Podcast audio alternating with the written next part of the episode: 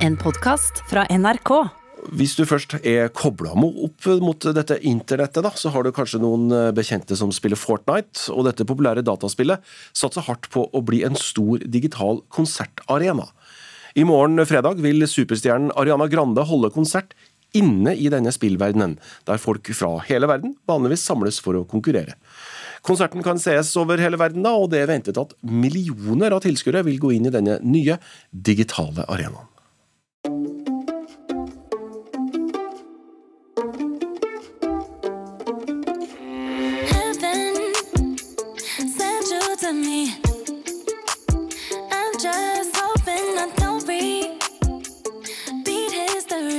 Vi vet jo ikke så mye foreløpig. De har jo hintet om at det kommer til å bli noe helt nytt.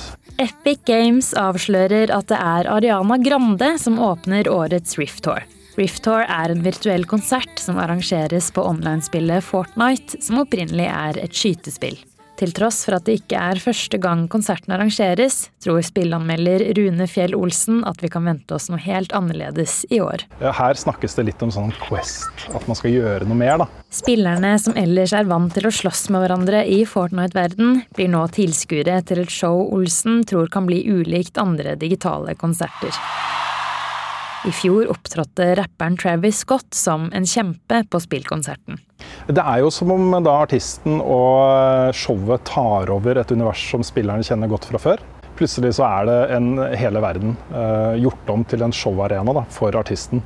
Så, og Der er jo på en måte eh, mulighetene er endeløse. Du kan gjøre hva du vil. Det er jo ingen begrensninger i den virtuelle verden. Selve konseptet med virtuelle konserter er ikke nytt. Det som derimot er nytt, ifølge Olsen, er at store artister ser på dette som en primær markedsføringskanal.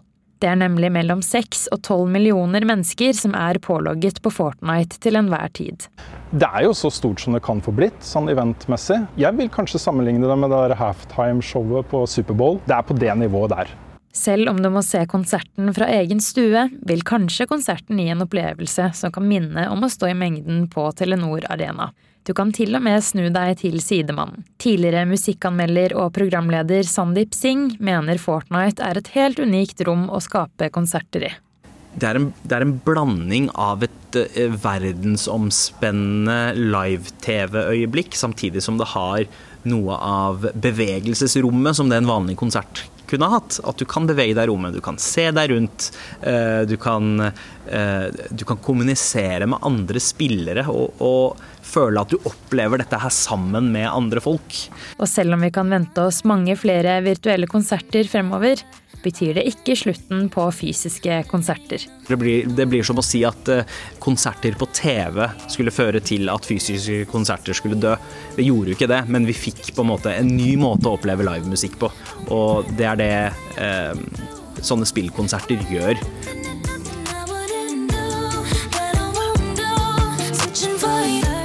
Reportere i nettinnslaget Aida Korami og Anita Kristiansen. Og i studio er eh, Alf Magnus Reistad kommet, daglig leder av Sentralen, Oslos samlingspunkt for kultur og sosialt entreprenørskap, står det her. Ja, det er fint. Ja, og Fortnite krysser altså spill og konsert. Hvor langt har vi kommet i Norge med å krysse spill og andre typer kultur? Det, vi har ikke kommet så langt ennå, men jeg vet at det foregår ting eh, i Norge. Eh, Hvor forskningsmiljøer eh, på NTNU i Trondheim jobber med utviklere om å utvikle ting som kan ha direkte relevans inn i det vi snakker om her. Altså at spillverdenen og musikkverdenen møtes med publikum.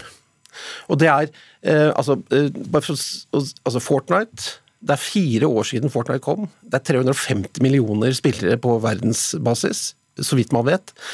Halvparten av norske gutter mellom 11 og 13 år spiller Fortnite, ifølge en eh, undersøkelse fra Barn og Media. Én av tre jenter mellom 11 og 12 er på Fortnite. Min sønn på 28 er på Fortnite. Dette er helt gigantisk stort. Og, altså, sånn at det, jeg tenker det som er interessant i forhold til dette, er å se hva blir den nye virkeligheten? Hva blir den nye virkeligheten etter eh, pandemien? Og det, det, jeg tenker at Dette er også interessant i forhold til det, fordi man er på jakt etter arenaer som er trygge, og som man har sett dette er en spennende arena. Og det er også en interessant arena kommersielt, både for spill og for musikk. Og derfor møtes de. Ja, Ja, for her treffer du altså da et publikum. altså Vanligvis logger man seg jo på dette. Jeg har spilt Fortnite sjøl. Mm. Dette er jo et spill man logger seg på, og så beveger man seg da i denne virtuelle verdenen parallelt med andre fra egentlig hele verden. Som du kjenner eller ikke kjenner. De aller fleste har det jo ikke noe med å Nei, gjøre. Nei, og du, blir, du representeres av en avatar i dette spillet. Så du er på en måte fysisk til stede i spillet som avatar, og du kan bevege deg rundt og du kan kommunisere med andre avatarer som er med i spillet. Og hele greia handler om kommunikasjon, om samspill, i, i, i i det å prøve å vinne et, et spill mot et annet lag. Um, Fortnite de, altså det, For dem er jo dette også selvfølgelig reklame. Det at vi sitter her og snakker Ja, ja. om det, viser jo at det, det funker. Ja, ja, ja. Eh, og, og det at eh, både de og eh, Ariane Grande de, de retter seg mot det unge publikummet som?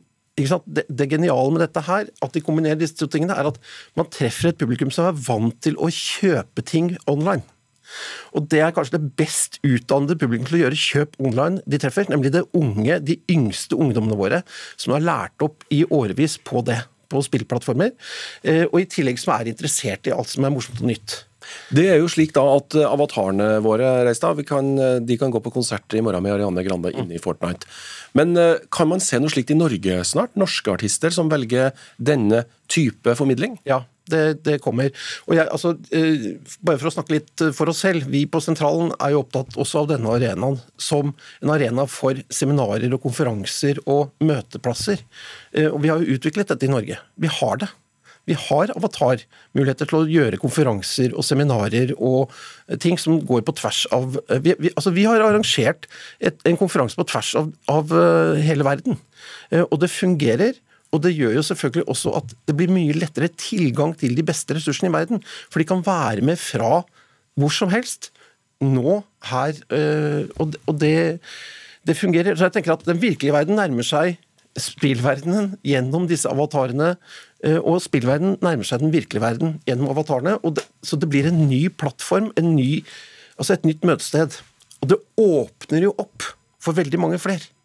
Altså, eh, Norge er et lite marked, men i, i Asia så er jo disse konsertene, online-konsertene der, er jo, det er jo en kjempegreie. Altså Der konkurrerer de mellom Kina og Sør-Korea om å være størst. Men hvis du har 750 000 betalende publikummere på en online-konsert, så begynner det å bli interessant kommersielt. Og det er det de har klart å utvikle nede i Asia. Dette vi snakker om i dag, utvikler de borte i eh, Amerika sammen med kineserne. Og vi eh, kommer fra Norge til å utvikle ting herfra. Norge er en stormakt når det gjelder IT. Eh, så ja, jeg, jeg gleder meg til framtiden. Ja, for Vi gleder oss sammen. Alf Magnus Reistad, takk for at du var med i Nyhetsmorgen og snakket om virtuelle konserter. Det kan jo komme andre kulturuttrykk også. Men akkurat nå skal det handle om selveste fargefjernsynet. Eh, Iallfall eh, ja, det skal handle om strømming også, da, for det er jo i ferd med å gli over i hverandre. Helt siden 2017, da Amazon først annonserte at de skal lage en serie som skal dra oss tilbake til Tolkiens eh, Ringenes herre-univers, så har fansen lurt på når blir den tilgjengelig. Go back to the shadow. You shall not pass! Det sa Gandalf til Balleroggen, og det, det sier jo for så vidt Amazon også til de som ikke betaler for seg. Men uh, i alle fall, kulturreporter Jonathan Gåthaug Nilsen, får vi gjensyn med Gandalf i denne serien som skal komme? Eh, Nei, det gjør vi dessverre ikke. Eh, historien i serien eh, går helt tilbake til altså, 1000 år før eh, det vi kjenner fra 'Ringenes herre' og 'Hobbiten'.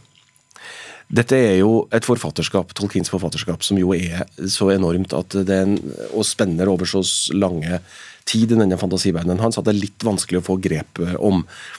Er, er det en helt annen del av universet vi skal møte, eller er det noen av disse figurene vi kjenner fra før?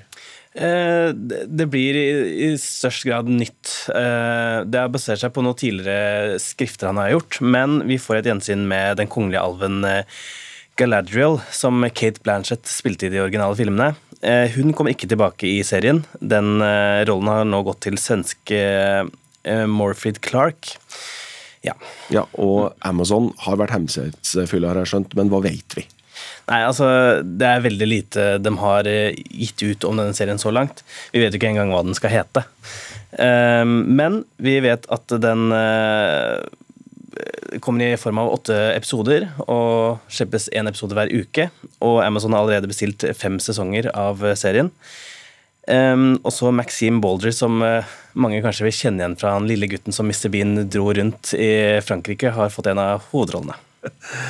Og dette er, Vi vet om ikke annet uh, altså Vi vet ikke hva den skal hete eller når den helt når den kommer, men vi vet hva den koster. Ja, eh, Når serien da blir tilgjengelig for eh, alle på Amazon Prime 2.9. neste år, så blir det faktisk den dyreste serien som noen gang er lagd, med et eh, budsjett på rundt 1 milliard kroner. Det skulle holde for å lage litt TV, det da. 2.9.2022, da kommer Tolkiens univers tilbake til skjermen. Takk skal du ha, Jonathan Goldhaug Nilsen. En opplevelse du kan ha på skjerm, en riktig, riktig stor skjerm allerede denne helga, er filmen The Suicide Squad. Fem år etter en skuffende debut, så er da dette knippet med rampete superhelter fra DC-universet tilbake på kino. NRKs kritiker Birger Vestmo. Han synes dette er akkurat den nye og friske starten de trengte. You gotta be kidding me. You're gonna risk the entire mission for a mental defective dressed as a court jester. This coming from a guy that wears a toilet seat on his head. We don't leave one of our own behind. Hopefully Harley's still alive. Den første Suicide Squad-filmen fra 2016 var en bortkasta mulighet. Et lovende persongalleri ble sløst bort i et overraskende kjedelig og humørløst effektfyrverkeri. Den nye filmen, som rett og slett heter The Suicide Squad, er både tøffere, råere og morsommere. Regissør James Gunn tilfører nemlig den samme grove humoren fra sine to kjente Guardians of the Galaxy-filmer. The Suicide Squad er skamløs storkommers på sitt beste, og uansett hvordan man stiller seg til sjangeren, må man berømme James Gunn for å ha gitt de her DC Comics-figurene akkurat den nye og friske starten de trengte. What? You, we're, we're here to save you. You were gonna save me? It was a really good plan, too. Well, I can go back inside and you can still do it. That's patronizing. I'm so sorry. Harley Quinn. Blood sport. Historien tar få hensyn til den første filmen, og starter med ganske blanke ark.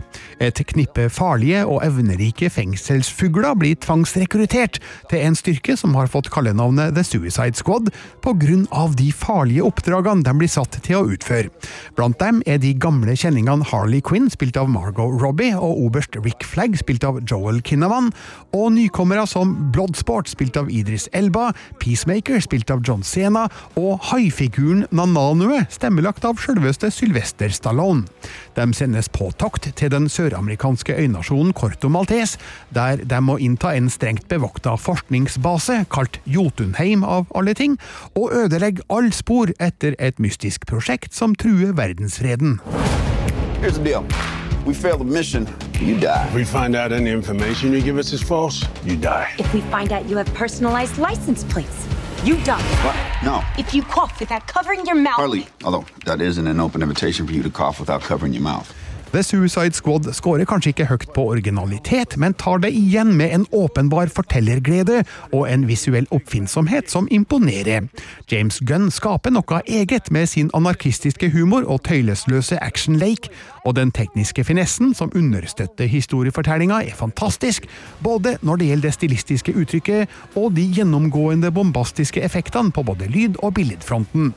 Det aller største løftet skyldes imidlertid den langt tøffere og råere voldsestetikken, som virkelig kler de her figurenes stil og uttrykk, med en skarp humoristisk sans og tegneseriestiliserte virkemidler som gjør det morsomt og underholdende. The Suicide Squad er suveren som stor og støyende superheltfilm, som brumler og braker med frekk sjølsikkerhet. Hand. Yes, that is your hand. Very good. we're all gonna die. Terningkast fem. Den anmeldelsen laget av Birger Vestmo får du da mer om og av på nrk.no anmeldelser, sammen med andre anmeldelser av både filmer, bøker og andre uttrykk som du kan bruke tida på. Du har hørt en podkast fra NRK. Hør flere podkaster og din NRK-kanal i appen NRK Radio.